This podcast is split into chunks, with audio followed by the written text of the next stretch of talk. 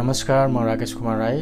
म यस श्रृङ्खलामा दोस्रो विश्वयुद्ध सेकेन्ड वर्ल्ड वारको कारणहरू र यसका परिणामहरूको विषयमा चर्चा गर्न गइरहेको छु। कुनै पनि युद्धको कारणहरूमा अपमान र भय आदिको प्रधानता हुन्छ।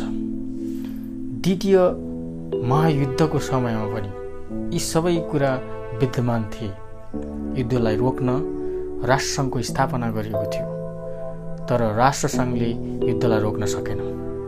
प्रथम विश्वयुद्धको बिस वर्षपछि सन् उन्नाइस सय उन्चालिस इस्वीमा द्वितीय विश्वयुद्ध सुरु भयो। यसका प्रमुख कारणहरू धेरै नै छन्।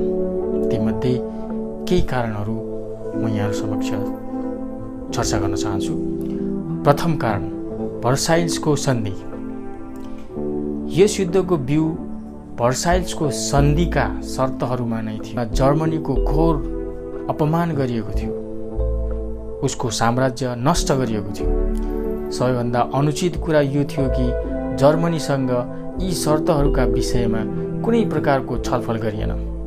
जर्मनीको राष्ट्रिय भावनालाई वास्ता गरिएन। सन्धिका शर्तहरूलाई हेरी फ्रेन्च जनरल फौजले भनेका थिए बिस वर्षपछि अर्को ठुलो युद्ध हुनेछ। उनको भविष्यवाणी सत्य निस्क्यो। दोस्रो कारण राष्ट्रवादी भावनाको अवहेलना। विल्सन महोदयका चौध सिद्धान्तहरूमा राष्ट्रिय भावनालाई समुचित प्रशय दिन जोड दिइएको थियो। पेरिसको सन्धिमा यसको कुनै वास्ता गरिएन। जर्मन जातिलाई विभिन्न टुक्राहरूमा बाँडियो। यस्तो स्थिति धेरै कालसम्म चल्न सक्दैनथ्यो विभिन्न टुक्राहरूमा विभाजित जर्मन जनता मुक्तिका लागि आन्दोलन गर्न थाले। यसबाट अशान्ति फैलिन थाल्यो तेस्रो कारण सार प्रान्तमाथि राष्ट्रसङ्घको अधिकार। प्रथम महायुद्धमा जर्मनीले उत्तरी फ्रान्सको उद्योग धन्दाको केन्द्रलाई नष्ट गरेको थियो। भर्साइल्सको सन्धि अनुसार जर्मनीको औद्योगिक केन्द्र सार प्रान्तले लियो पन्ध्र वर्षसम्म त्यो भाग राष्ट्रसङ्घद्वारा नियुक्त कमिसनको अधीनमा रहने भन्ने निश्चित भयो। त्यसपछि यहाँका निवासीहरूद्वारा यो तय गरिने भयो कि तिनीहरू कुन देशमा मिल्न चाहन्छन्। यसबाट जर्मनीको ठुलो हानि भयो। चौथो कारण नवीन विचारधाराहरू। युद्धपछि केही नयाँ देशको सृजना भएको थियो। यसपछि विभिन्न देशहरूमा गणतन्त्र सरकारको स्थापना भएको थियो। तर गणतन्त्र सरकारले समयको मागलाई पुरा गर्न सकेनन् र तिनीहरूको अन्त भयो युद्धपछि सुरुमा बोल्सेबिज जर्मनीमा नाजीवाद र इटलीमा फासिस्टवादको उदय भयो। यी नवीन विचारधाराहरूको फलस्वरूप ती देशहरूमा राष्ट्रिय भावना तीव्र गतिले फैलन थाल्यो।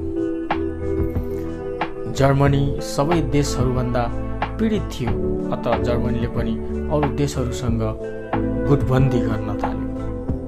अरू देश कुनै न कुनै गुटमा थिए यस प्रकारले संसार विभिन्न गुटमा बाँडियो। जर्मनीमा हिटलर नाजीवादका संस्थापक र नायक थिए।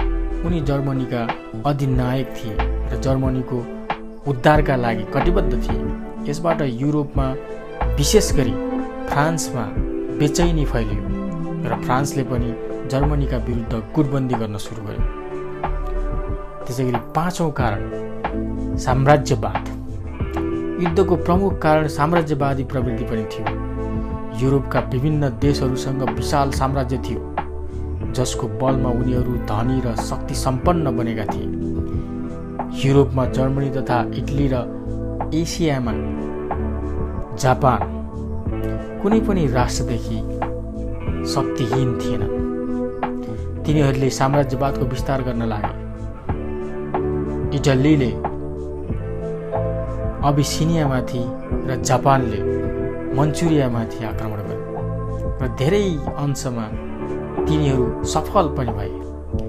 जर्मनी पनि त्यसरी नै साम्राज्यको विस्तार गर्न चाहन्थ्यो। छैटौँ कारण आर्थिक सङ्कट। प्रथम महायुद्धपछि सबै देशको आर्थिक स्थिति सङ्कटमा परेको थियो र यसबाट निस्कने कुनै बाटो देखिएन। सबै देशमा राष्ट्रिय भावना फैलिरहेको थियो। निर्यातमा कमी आइरहेको थियो। इङ्ल्यान्ड आदि देशमा ठुला ठुला कारखाना बन्द हुन थाले। त्यहाँ बनेको मालको कुनै उपभोग भइरहेको थिएन। अत तिनीहरू पनि युद्धका लागि लालायत थिए। त्यसै गरी सातौँ कारण सन्धिहरूको अमान्यता। भर्साइल्स र पेरिसको सन्धिद्वारा यस कुराको प्रयत्न गरिएको थियो कि भविष्यमा युद्धले ठाउँ नलियोस् तर सबै राष्ट्रहरूले आवश्यकताभन्दा बढी युद्धोपयोगी सामग्री राख्न नपाउने भन्ने थियो। यसलाई सबै राष्ट्रहरूले मन्जुर गरे। विजयी राष्ट्रहरूले यी शर्तहरूको पालना गराए तर आफू भने युद्ध सामग्री र सैनिक बढाउनतिर लागे। जब हिटलर जर्मनीको प्रमुख बन्यो तब उसले घोषणा गर्यो कि जर्मनी भर्साइल्स तथा पेरिसको सन्धिबाट सन्तुष्ट छैन। यसबाट विजयी राष्ट्रहरूमा खलबल मचियो तर चुप लागेर बसे। उता जर्मनीले सैनिक बढाउन थाल्यो। त्यसै गरी आठौँ कारण युरोपका राष्ट्रहरूमा गुटबन्दी। जर्मनीको बढ्दै गरेको शक्तिलाई देखेर सबै राष्ट्रहरू आतङ्कित थिए। तिनीहरू आत्मरक्षाको लागि कुनै न कुनै देशसँग आफ्नो गुट बनाइराख्न चाहन्थे। यसतर्फ सर्वप्रथम फ्रान्सले नै कदम बढायो। यसले जर्मनीको चारैतिर फैलिएका राज्यहरूको एउटा गुट कायम गर्यो।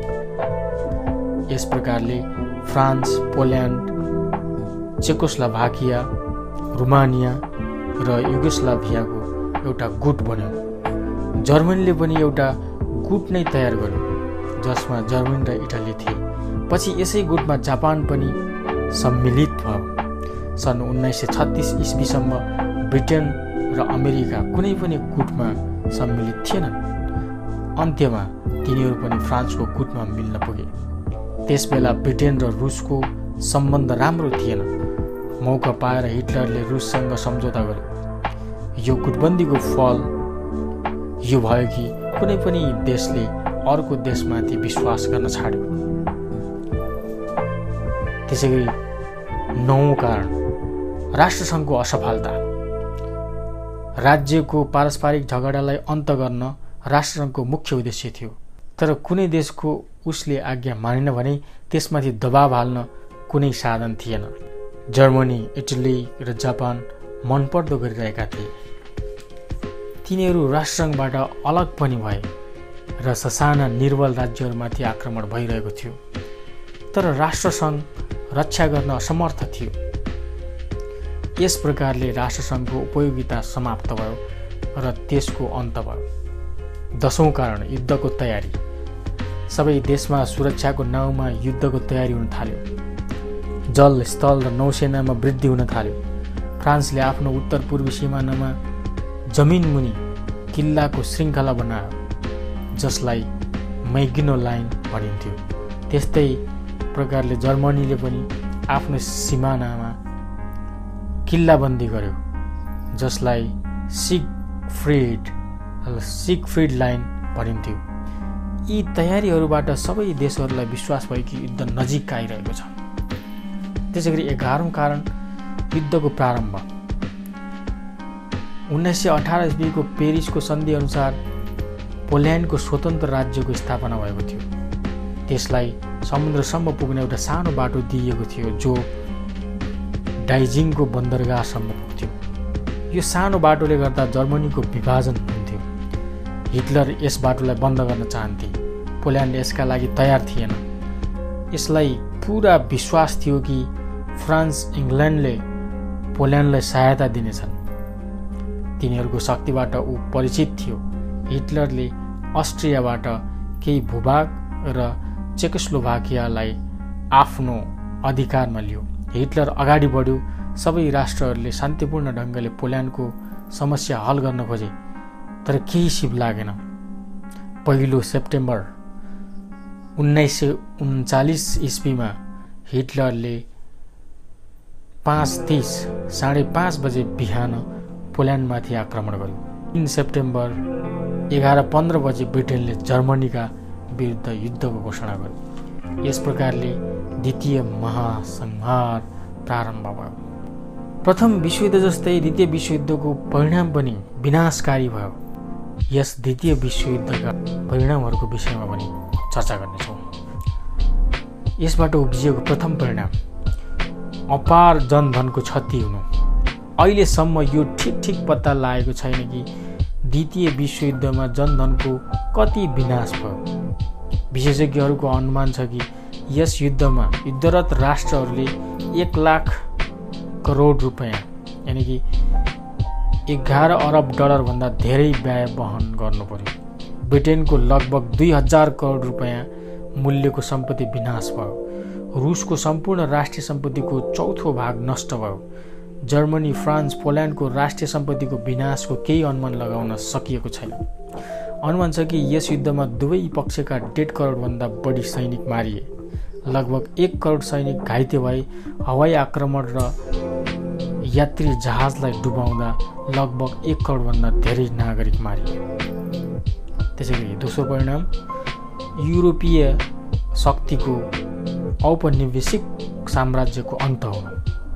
द्वितीय महायुद्धपछि एसिया महाद्वीपबाट युरोपीय राष्ट्रहरूको प्रभुसत्ता लगभग समाप्त भयो। प्रथम विश्वयुद्धपछि युरोपका राष्ट्रले अस्ट्रिया हङ्गेरीको पन्जाबाट मुक्ति पाएका थिए। द्वितीय विश्वयुद्धपछि भारत लङ्का बर्मा मलाया र मिश्रले ब्रिटेनको दास्ताबाट मुक्ति पाए। यसै महायुद्धले गर्दा फ्रान्स हल्यान्ड र पुर्तागलले एसिया स्थित साम्राज्य पनि समाप्त भयो यसै महायुद्धपछि भारत लङ्का बर्मा मलाया र मिश्रले ब्रिटेनको दास्ताबाट मुक्ति पाए। यसै महायुद्धले गर्दा फ्रान्स हल्यान्ड र पुर्तगालको एसिया स्थित साम्राज्य पनि समाप्त भयो त्यसै गरी तेस्रो परिणाम। इङ्ल्यान्डको शक्तिको ह्रास र रुस अमेरिकाको उत्थान हो प्रत्यक्ष रूपमा यस युद्धमा अस्ट्रिया र जर्मनीको हार भयो। अप्रत्यक्ष रूपमा यस युद्धमा इङ्ल्यान्डको पनि पराजय भयो। विश्वयुद्धपछि इङ्ल्यान्ड संसारको सबैभन्दा ठुलो देश रहन सकेन। युद्धभन्दा पहिले अङ्ग्रेजको साम्राज्यमा सूर्यास्त हुँदैन थियो अब उसको शक्ति सीमित भयो। दुई नयाँ शक्ति संसारका अगाडि आए ती हुन् रुस र अमेरिका त्यसै गरी चौथो परिणाम अणु बमको निर्माण र संयुक्त राष्ट्रसङ्घको स्थापना हो द्वितीय महायुद्धले एकातिर अणु बम जस्तो संहार अस्त्रको निर्माण गरेर विश्व शान्तिलाई खतरामा राख्यो भने अर्कोतिर संयुक्त राष्ट्रसङ्घको निर्माण गरेर विश्व शान्तिलाई कायम राख्ने चेष्टा गर्यो आजको स्थिति यस्तो भइसकेको छ कि एकातिर संहारक अस्त्रहरूको निर्माणको बाजी लागेको छ भने अर्कोतिर संयुक्त राष्ट्रसङ्घ शान्ति स्थापनामा संलग्न छ। अत यो ठिक नै भनिएको छ कि द्वितीय विश्वयुद्धले एकैपल्ट युद्ध र शान्तिका तत्त्वहरूलाई जन्म दियो। आज यस्तो लागिरहेको छ कि युद्धका तत्त्वहरू प्रबल भएर उठेका छन्। त्यसै गरी पाँचौँ परिणाम विश्व दुई गुटमा विभाजित हो द्वितीय विश्वयुद्धले विश्वको कुटनीतिमा ठुलो परिवर्तन ल्यायो। पहिले संसारमाथि ब्रिटेनको आधिपत्य थियो। त्यसपछि रुस र अमेरिकाको प्रभुत्व बढ्यो। आज वस्तुस्थिति यस्तो भइसकेको छ कि संसारका प्राय सबै देशहरूमा दुई गुटमा बाँडिएका छन्। एउटा गुटको नेतृत्व रुसले र दोस्रोको अमेरिकाले गर्छ। पहिलो साम्यवादको समर्थक र पुँजीवादको विरोध छ भने अर्कोतिर अमेरिका पुँजीवादीको समर्थक र साम्यवादको विरोधी छ। त्यसै गरी छैटौँ परिणाम।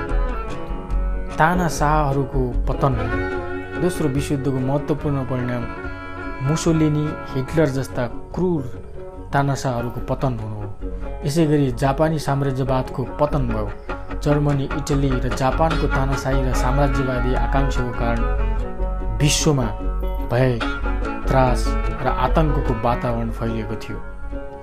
प्रथम विश्वयुद्धपछि शान्ति कायम गर्ने दिशामा शक्तिशाली राष्ट्रहरू वा विजयी राष्ट्रहरूले घमण्डले फुलेर हारेका राष्ट्रहरूसँग असमान र अन्यायपूर्ण व्यवहार गरेर सन्धिको भार बिसाएकाले नै त्यही भारको प्रतिक्रिया स्वरूप हिटलर जस्ता नरसंहारकको उदय भएको थियो।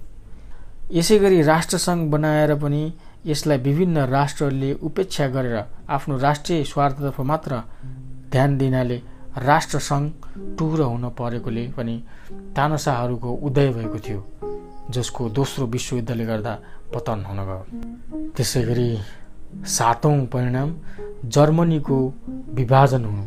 दोस्रो विश्वयुद्धको अर्को परिणाम थियो जर्मनीको विभाजन। दोस्रो विश्वयुद्धपछि पुँजीवादी अमेरिका र पश्चिमी युरोप र साम्यवादी रुस र पूर्वी युरोपको विभाजनले गर्दा जर्मनी जस्तो विशाल शक्ति राष्ट्र समेत दुई चिरामा विभाजित हुन पुग्यो। पश्चिम जर्मनीले पुँजीवाद प्रजातन्त्रको सिद्धान्त लिए आफ्नो विकास गर्यो भने पूर्वी जर्मनीले साम्यवादी विचारधारा अनुरूप आफूलाई ढाली विकास पथमा लम्कियो। दुवै देशका जनता भने परस्पर सम्पर्कमा आइ नै रहे। आखिर बर्लिनको विभाजन साढे चार दशकपछि पुनः हट्यो। उन्नाइस सय नब्बेमा दुवै जर्मनीको एकीकरण भयो र एकीकृत जर्मनी सङ्घीय गणतन्त्र जर्मनी भनेर भनिएको बनेको छ। र अहिले युरोपको आर्थिक शक्ति राष्ट्र बनेको छ। पूर्वी र पश्चिमी जर्मनीको एकीकरण उत्तर र दक्षिण कोरियाको बिचको एकीकरणका निम्ति प्रेरणाको स्रोतका रूपमा देखा पर्न थालेको छ। यस श्रृङ्खलामा मैले दोस्रो विश्वयुद्ध हुनका कारणहरू र विश्वयुद्धका परिणामहरूको विषयमा चर्चा गरेँ। यहाँहरूलाई यो सुनेर कस्तो लाग्यो? यहाँहरूले कमेन्ट बक्समा कमेन्ट गर्न नभुल्नुहोला। धन्यवाद।